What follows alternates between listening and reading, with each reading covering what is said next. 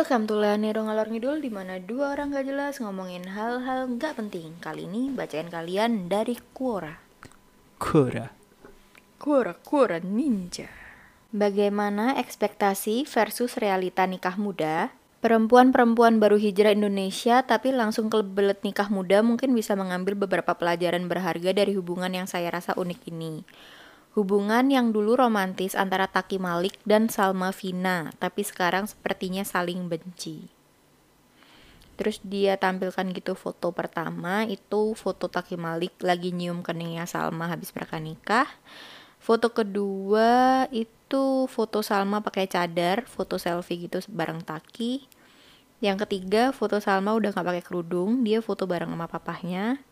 Terus Salma lagi nggak pakai kerudung, bawa tas, senyum-senyum. Terus ada juga foto Salma pakai sport bra sama celana bolong-bolong gitu. Dia kayaknya habis olahraga. Oke. Agar ke depannya itu otak dipakai buat berpikir bagi diri sendiri, keluarga, dan masa depan. Bukan cuma nafsu nikah muda, pakai cadar, dan nyari suami seorang hafiz, atau kesatria, pentung, penggemar Habib Rizik dan Bahar. Kenapa sih salty banget jadi orang terus? Karena terbuai dengan video-video dari Instagramnya. Fuad Bah Indonesia Tanpa Pacaran atau grup motivasi hijrah. Kenapa unik? Bayangkan aja, ada gadis muda berusia 18 tahun, baru menikah 3 bulan udah langsung diceraikan, cuma lewat telepon pula. Gila. Apalagi Salma Vina berkorban banyak demi hubungannya dengan Taki. Dia sampai memutuskan keluar dari dari universitas ternama, mematuhi suami dengan mengubah dandanannya dari biasa membuka aurat sampai berhijab busana muslimah yang lengkap, mengorbankan masa remajanya, mengorbankan masa depannya. Harusnya Salma Vina bisa dapat pendidikan yang lebih baik, mengingat dia anak orang kaya.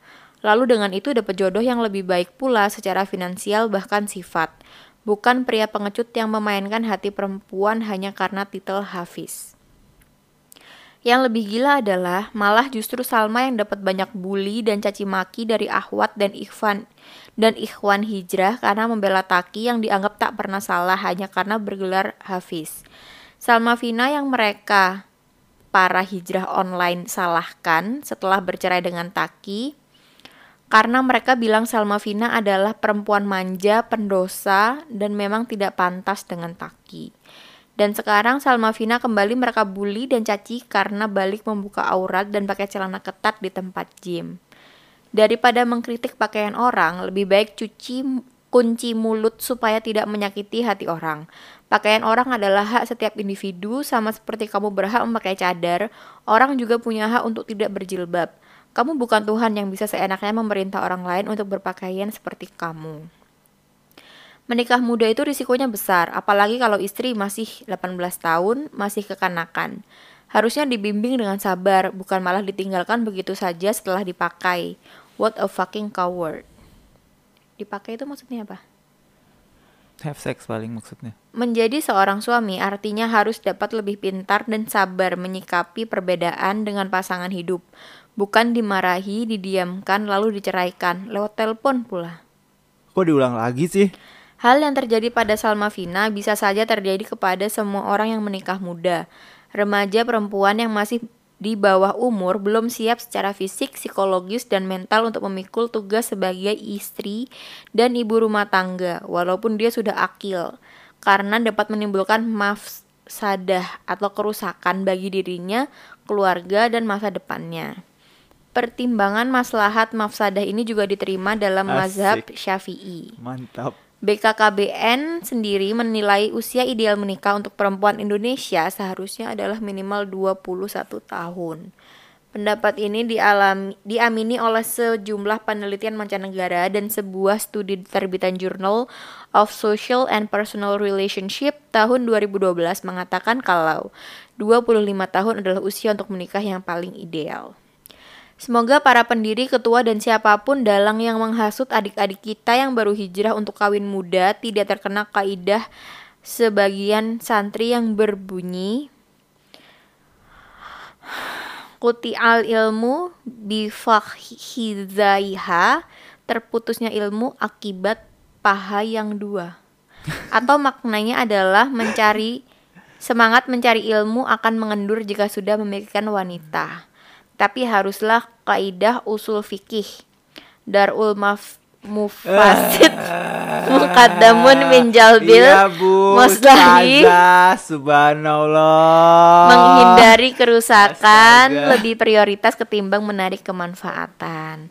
Karena mempertimbangkan maslahat nikah muda ini, beberapa ulama memakruhkan praktik pernikahan usia dini. Makruh artinya ya boleh dilakukan tapi lebih baik ditinggalkan. Ditinggalkan. Gitu. Sebenarnya ini lumayan menarik sih dia membahas soal eh, Salma Vina ya, tapi itu aku aku bakal coba jelaskan sesimpel mungkin soal Salma dari yang aku lihat sebagai seorang netizen doang yang nggak ngerti apa-apa, yang aku cuma lihat dari luar doang. Ngerti Jadi- agama nggak kamu? Jadi pertama eh, Sal- Salma itu nggak pakai kerudung. Terus dia kan dianggap sama orang-orang tuh kayak anak-anak nakal karena suka pergi sampai malam. Nah kemudian Salma kenal nih sama Taki. Salma yang tadinya ngerasa oh apakah aku emang beneran pendosa. Terus akhirnya dia mencoba untuk mendekatkan diri sama Tuhan. Dan dia ngelihat Taki itu kan eh, agamis. Jadi ya dia oh oke aku deketin diri sama Taki aja deh kan dia tuh agamis tapi asik gitu kan. Jadi kalau mendekatkan dirinya ke ustazah mungkin dia boring gitu ya takutnya. Nah terus setelah mendekatkan diri sama Taki terus akhirnya dia pakai jilbab yang full bahkan sampai cadar. Terus dia koar-koar terus kan tentang dia tuh sekarang udah jadi seorang istri. Dia itu sudah eh, Hijrah. hijrah terus taat sama suami terus bla bla bla bla bla. Terus dia bilang dia bakal dibawa sama Taki ke Mesir. Al Azhar kan ya ke Mesir kan untuk nemenin Taki di sana. Tapi entah kenapa kok Taki malah nggak mau. Terus pengennya tuh ceweknya tetap nunggu dia dengan sabar sampai dia lulus gitu loh jadi disuruh di rumah aja di Indonesia padahal takinya di sana padahal Dan nggak boleh keluar rumah sama sekali kan ya? Iya, terus Salma kan nggak mau. Ma- Salma kan tadi mau masuk Islam karena asik itu tadi kan melalui taki. Kalau takinya nggak ada ya buat apa kayak gitu kan. Kasarannya gitu sih. Ini kan pendapat netizen doang. Nah setelah itu akhirnya mereka bercerai. Ketika bercerai itu Salma masih pakai kerudung. Nah, tapi kerudungnya dia sudah tidak kerudung yang serba panjang kayak waktu dia sama Taki. Terus orang-orang pada ngebully, eh kerudungnya sekarang udah nggak panjang ya, udah beda, udah kelihatan dadanya kayak gitu-gitu lah. Pokoknya bajunya udah ketat, cuma pakai kerudung aja gitu.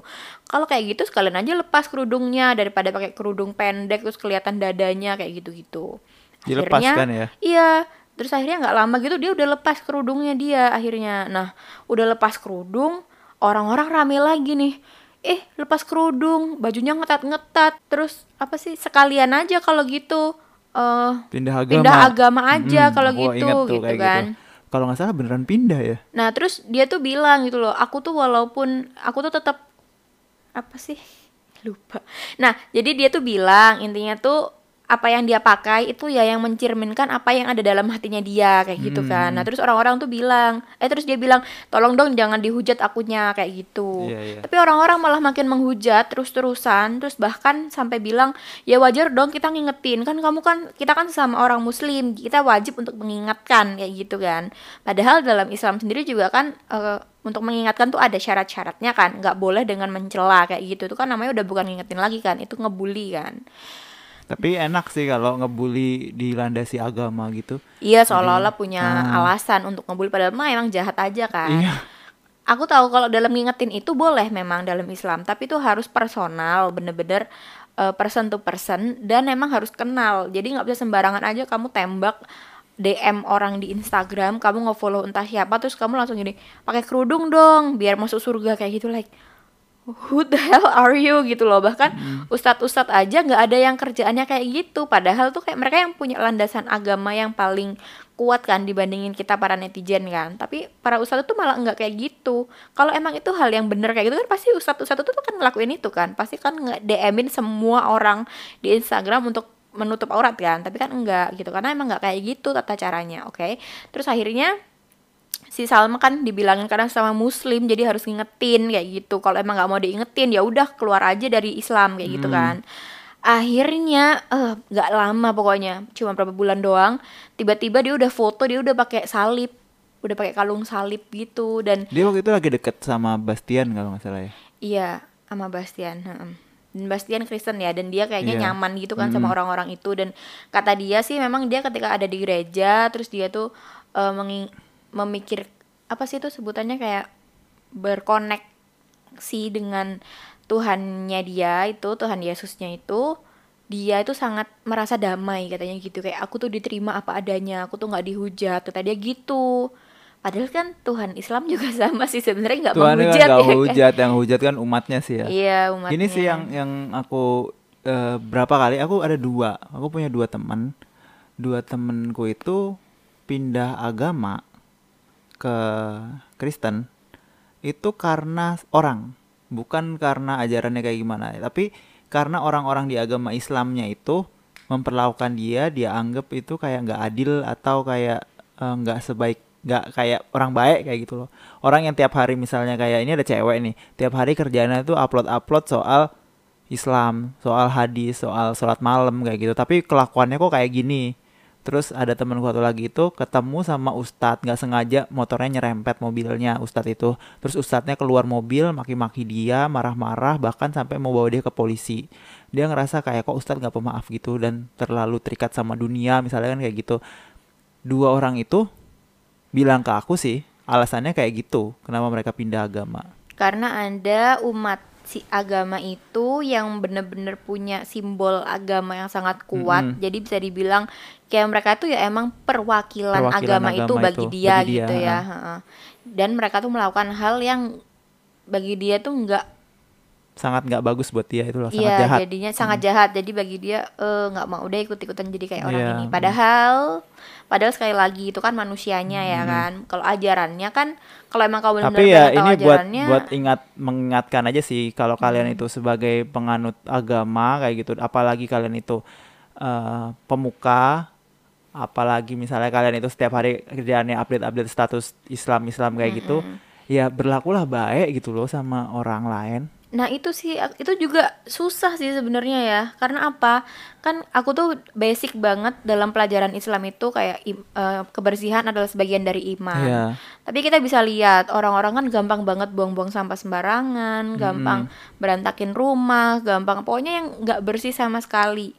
Bahkan berdebu, terus entah apa kayak nggak keurus, terus Iya, ada iya. bekas najis dibiarin kayak gitu-gitu yang loh. yang yang aku enak tau nggak apa karena aku ngelakuin hal-hal yang sangat buruk gitu sehari-hariku aku bukan orang baik kayak gitu kan tapi aku nggak bawa-bawa agama dalam Nah, iya. keseharian itu jadinya kayak meringankan bebanku Iya. aku jadi nggak membawa nama buruk buat agamaku kayak gitu apalagi kan kita selalu melabeli diri kita ya kita ini orang brengsek, Iya, orang bodoh, iya. orang pokoknya kita sebisa mungkin melabel serendah mungkin diri kita agar kalau kita melakukan apa pun di luaran sana, people expect kita ngelakuin hal itu kan ya harusnya people don't expect more from us Yap, gitu loh. Jadi bener. apa pun yang kita lakukan ya ya people saw it coming gitu Iya. kan, no matter how how bad Low. it was kayak gitu.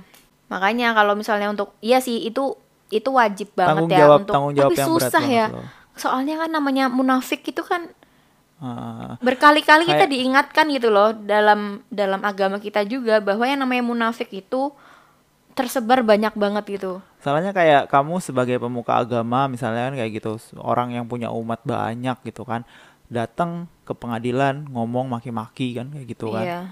Em, ya jangan jangan salah kan kalau di luar sana ada orang-orang yang Jadi benci, Benci banget sama sama, agama, Islam heeh. gitu. Gara-gara ada yang mengaku ustadz terus kayak gitu. Iya. Atau bahkan bukan ustadz ya, tapi malah keturunan seorang nabi misalnya Iya. kayak gitu. Itu malah lebih parah lagi sih. Untuk kalau kayak kita-kita ini yang tapi gimana ya? Kadang tuh aku mikir loh, justru malah orang-orang yang nggak kayak gitu tuh nggak bisa jadi petinggi kayak gitu. Karena mereka nggak punya ambisi. Orang-orang baik berilmu tuh biasanya nggak punya ambisi kayak gitu. Dan biasanya yang ambisius tuh justru malah orang-orang yang jahat, jahat ya. kayak gitu. Makanya kita tahu banyak banget kiai-kiai yang pinter-pinter juga tapi mereka tuh low profile dan nggak punya apa-apa kayak gitu. Tapi banyak juga kiai yang punya pondok pesantren kayak gitu-gitu kan. Tapi justru mereka tuh bener-bener sombong ah iya. Kayak kayak aku mau ngomong brengsek tuh nggak berani. Soalnya ngomongin kayak kiai. apa kayak ada satu hal yang kita tahu pasti gitu kan. Power itu pasti bikin kamu Korup. korup. Bikin kamu rusak gitu Hmm. kalau kamu punya power. Power corrupts people. Heeh. kalau misalnya apalagi kan kita kan mayoritas gitu agama Islam gitu. Itu korup kita ngancurin kita Jadi gini, karena di Indonesia itu adalah mayoritasnya orang Islam, ya mayoritas kejahatan atau apa pun yang dilakukannya ya sama Iya. orang Islam kayak gitu. Makanya kalau misalnya kita lihat ada bom, ada teroris, ada apa-apa-apa itu pasti pelakunya orang Islam. Ya karena emang di sini mayoritasnya orang Islam. Beda sama di Amerika. Di Amerika kan mayoritasnya orang Kristen. Pelaku school bombings, terus eh, mosque bombings di Australia juga yang nembak-nembakin di masjid itu ya orang Kristen karena di sana mayoritasnya ya orang Kristen kayak gitu sih. Jadi ini bukan tentang satu agama benci ke agama lain, Iya. tapi lebih tentang mayoritas yang eh, semaunya sendiri gitu loh, nggak mau toleransi sama minoritas. ya bagusnya sih emang tapi emang bener sih masalah sebagai pemuka kalau kamu itu diletakkan sebagai pemuka misalnya kayak gitu kan kita expect more. Tapi pemuka nggak akan pernah mau dengerin saran kita dan nggak akan Ah, mau dengerin benar, kita. kayak kayak bayangin Mereka tuh seorang tinggi hati banget. gitu seorang loh. Taki Malik hafiz Al-Quran gitu kan. Kita expect more from him gitu loh. Bukan dari seorang cewek yang baru hijrah kita nggak expect apa-apa kalau dari kayak gitu. Harusnya kan. Tapi, tapi yang malah ada kan Heeh, orang-orang malah kayak gitu. Itu aku juga kurang paham sih kenapa kayak gitu Tapi emang di Indonesia ini paling aman tuh kalau misalnya agamamu bukan Islam. Kalau kamu pengen buka-buka baju kayak gitu. hmm, benar Tapi itu pun sebenarnya ya sama aja sih. Sandi Aulia kan Kristen kan. Dan dia suka pakai bikini-bikini itu juga masih ada aja orang Kristen juga ikut ngomentarin orang Islam juga sih. Ya dari kedua kubu jadinya. Gak tahu deh. Kenapa orang suka banget ngurusin orang, orang lain? sulit ya. Sebenarnya kalau kita mau ngelihat ke pandangan dari agama kita itu sebenarnya udah bagus banget. Di bagian kita tuh diwajibkan untuk rendah hati diwajibkan nggak sombong diwajibkan nggak tinggi hati. Kepengen kita selalu kayak gitu kan. Ngerasanya pas kita misalnya udah udah pakai pakaian tertutup nih terus udah udah sholat terus udah ngaji udah kayak gimana gitu. Terus kita ngelihat ada orang lain yang gak ngelakuin itu di mata kita tuh langsung kelihatan kayak "Hmm, orang ini lebih rendah daripada kita. Pendosa nih. Pendosa gitu. Padahal kalau kayak gitu justru bikin ibadahnya dia Iya, itu malah jadi- sebagai bensin untuk tinggi hatinya dia Ya, gitu. Yang bikin setan diusir dari surga itu bukan karena setan tuh Tidak menyembah sholat, Allah. menyembah. Allah tapi karena dia sombong iya benar cuman modal sombong doang kamu bisa diusir loh iya kalau kamu ada di sedikit di hatimu yang ngerasa kayak kamu itu lebih baik, lebih baik dari orang daripada lain, orang lain Mm-mm. ya itu yang nggak ada setan. bedanya sama setan Iya. gitu dan ngelihat setan itu kalau kamu ngelihat kayak Nabi Adam misalnya kan kayak gitu kan kayak setan ngeliat Nabi Adam. Nabi Adam ngelihat ngelihat eh setan ngeliat Nabi Adam tuh kayak suatu makhluk yang nggak pantas buat disujutin iya gitu cuma kan. dari tanah doang kayak gitu. Makanya di, disuruh untuk sujud nggak mau benar-benar nggak mau benar-benar tinggi hati dan sangat sombong itu tadi.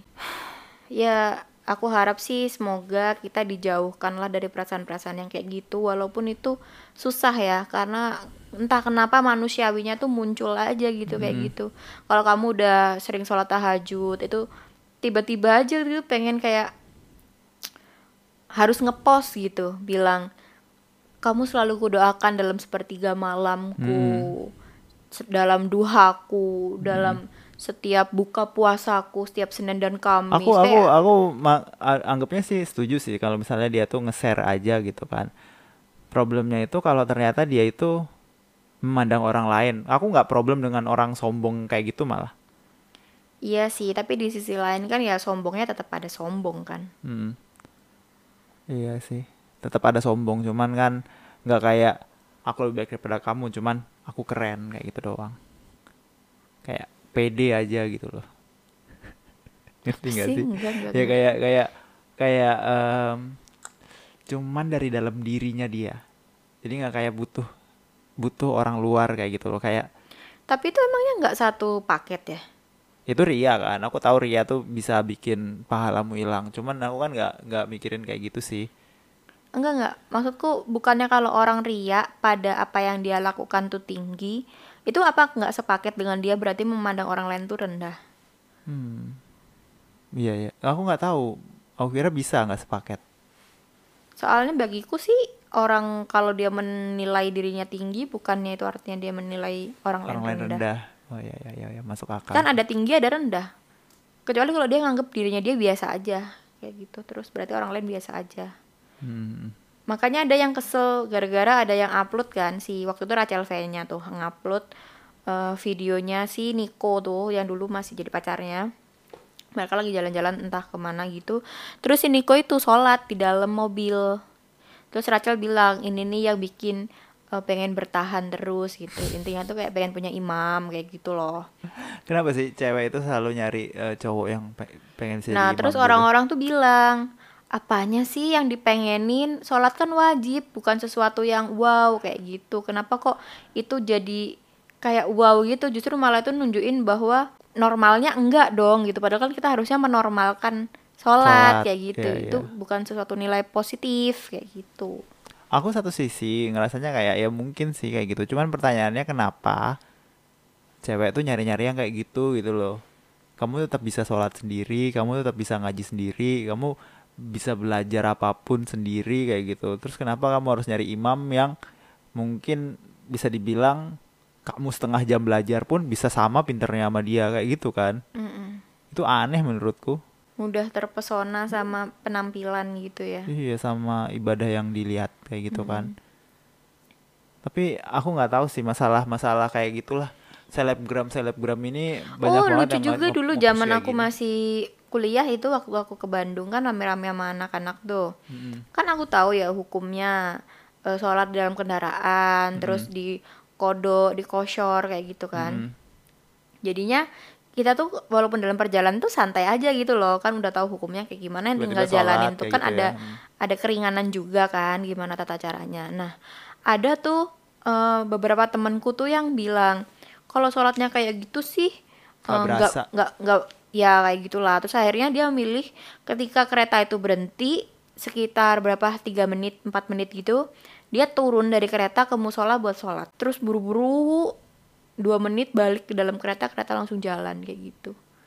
Bagi dia itu lebih baik dibandingkan orang-orang yang milih sholat di Dengan dalam tenang. kendaraan duduk dengan tenang dengan khusyuk dan mungkin nggak tau lah. Pokoknya itu kan ada aturannya gitu loh. Itu bukan yang bukan yang kita cheating gitu loh tapi justru itu adalah keringanan kemurahan hatinya Allah gitu loh untuk Bahkan ada memudahkan kita ada gitu yang bilang itu bukan keringanan tapi kayak loh. kewajiban ya Iya, kayak kamu dikasih keringanan. kok sombong banget nggak mau iya, nerima kayak bener, gitu kayak kan gitu, ha-ha. Mm. Itu yang aku aku juga ngerasa sih. gitu udah ada aturannya kayak gini ya Iya. udahlah kayak gini aja gitu kan Jadi dulu tuh kisahnya zaman dulu zaman zaman Khalifah gitu pertama kali terjadi bid'ah itu itu dilakukan oleh Utsman waktu dia datang perjalanan kan ke Madinah gitu pas perjalanan ke Madinah itu selesai dia nggak dikodok sholatnya tapi sholatnya sholat sholat normal gitu Iya. kan ya udah itu waktu itu pertama kali bilang "Oh, orang-orang orang sombong yang nggak mau nerima kemurahan hati Tuhan kayak Mm. gitu nggak tahu sih entah kenapa kata sombong di kepalaku ini sangat-sangat ngeselin gitu loh itu kayak salah satu sifat yang menurutku paling ngeselin dari orang-orang yang kayak ngerasa dia itu lebih baik daripada orang lain iya bener. gitu. terus habis sholat dari stasiun tadi balik tuh dia boasting around gitu kayak ya nyombongin gitu loh. Mm. ya kalau sholat kayak gitu sih nggak kerasa ya mending sholat itu yang bener kata dia gitu. Aku tuh dalam hati kayak yang bener? Mamaku anak pondok aja dari aku kecil ngajarinnya kayak gini gitu loh. Dia tuh basicnya apa? Anak kota nggak ngerti apa-apa bahkan nggak ada background agama sama sekali gitu dengan kok ya mulutnya tuh kenceng? Tapi justru orang-orang kayak aku yang tahu soal ilmu itu kan dari ya dari eh, SMP kan diajarin kan di SMP sebenarnya mungkin dia nggak masuk kelas ya. Diajarin di SMP diajarin sama orang tuaku diajarin sama guru ngaji tuh kayak gitu tuh aku malah diem jadi aku tuh nggak yang ngejawab dia gitu yang nggak ngomong yang nggak boleh lah sholat turun-turun gitu. Kamu masa kusyuk kayak gitu sholat cuma satu menit doang? Sholat tuh yang bener ya duduk di sini dapat keringanan di jamak di sini kayak gitu kan. Enggak nggak pengen kayak gitu. Aku merasa kayak ih dasar orang bego kayak tapi gitu eh, doang. aku di satu sisi aku paham kenapa dia ngelakuin itu. Karena karena cewek-cewek nyari imam kan. Ceweknya tuh butuh aku tuh pengen sosok imam kayak gitu kan terus datanglah cowok yang kayaknya ngebela-belain bela-belain banget soal, banget ibadah, gitu kayak gitu kan jadi cewek langsung kayak aduh enak banget sih kalau aku sama dia ada imamnya kayak gitu kan jadi balik lagi ke masalah ternyata kalau aku Iya. nih ternyata kalau aku ngimpulinnya kayak ternyata agama itu kadang-kadang dipakai cuman jadi Senjata. hiasan Oh iya. hiasan Mm. buat narik pasangan Alat sih. alat buat narik Alat. pasangan iya Dan ketika udah dapet pasangan, ya nanti bakal kalian dapetin kenyataannya kayak apa Ah, kayak gitu. bener. Waktu itu juga lucu sih, si Taki Malik kan bangga banggain ke mana-mana kalau dia tuh taaruf taaruf gitu kan sama si Salma kan. Mm-mm. Padahal Salmanya cerita kalau berpacaran mereka ya nggak taaruf, mereka tuh pacaran dari awal, sering Jalan-jalan. dibawa-bawa jalan-jalan malam-malam. Cuma nggak ada status pacaran aja, tapi jalan-jalan bareng ke Dufan ke mana-mana berdua. itu yang aku aku sebel sih dari orang-orang yang nggak mau ngasih status pacaran gitu. Padahal jalan berdua kayak gitu-gitu loh. Itu kan ya pacaran, ya nggak heeh. sih? Pergi sampai malam-malam bahkan katanya si Salma itu. Terus gara-gara mereka jalan terus malam-malam berduaan terus dan Salma itu nyaman itulah baru dia bilang ke orang tuanya dia mau taaruf kayak gitu. Jadi secara apa ya kenapa sih harus pakai-pakai agama terus gitu loh? Untuk kedok kamu. Padahal tuh si Taki cuma pengen nikah secara resmi aja kan sama Salma. Kenapa pakai ngomong taaruf segala kalau kayak gitu? Padahal karena pacaran karena kayak gitu. brand brandnya Iya, itu kayak gitu. personal brandingnya kan. Iya. dan itu aja sih yang aku nggak beneran nanya kenapa. Iya, aku iya, nggak iya, nanya iya. kayak gitu. Aku Ah. cuma menyampaikan ketidaksetujuanku pada kayak mungkin penggunaan mungkin kayak kenapa bohong? kayak gitu ya karena itu Iya. ada jawabannya. Itu kan ini nggak nanya. Ini tuh sarcastically gitu loh. Aku Why aku tahu aku tahu kayak that? iya iya pe- people do that. Apalagi mereka itu punya kayak nilai di sosmed kayak gitu kan. Kalau kita sih kita bisa jujur kita bisa ngomong sesuka kita kita bisa ngelakuin apa yang kita pengen. Karena kan kita nggak punya fans nggak punya apa-apa sama sekali kan. Jadi kita nggak nggak perlu takut ngecewain siapa-siapa yang kita jelas pikirin adalah diri kita sendiri gimana caranya kita bisa jujur sama diri kita sendiri jadinya kita nggak nyesal suatu saat nanti karena kita berbohong atau pura-pura kayak gitu aja sih dan yang aku tangkap dari kayak hubungan selebgram selebgram ini banyak banget yang ternyata mereka tuh cuman pura-pura aja dan ternyata nggak jujur sama diri sendiri terus ujung-ujungnya pas ngerasa jujur kelihatan kan leganya tuh kayak gimana kayak gitu Hmm. Heeh. Oke, I think that's all for today. Sampai jumpa besok lagi di waktu yang sama, Sama. buat kita bacain kalian Quora. Oh iya, kalian kalau mau ngontak kita bisa langsung ke We Aprilia dan dan nerorisme di Twitter dan Instagram Bye-bye. bye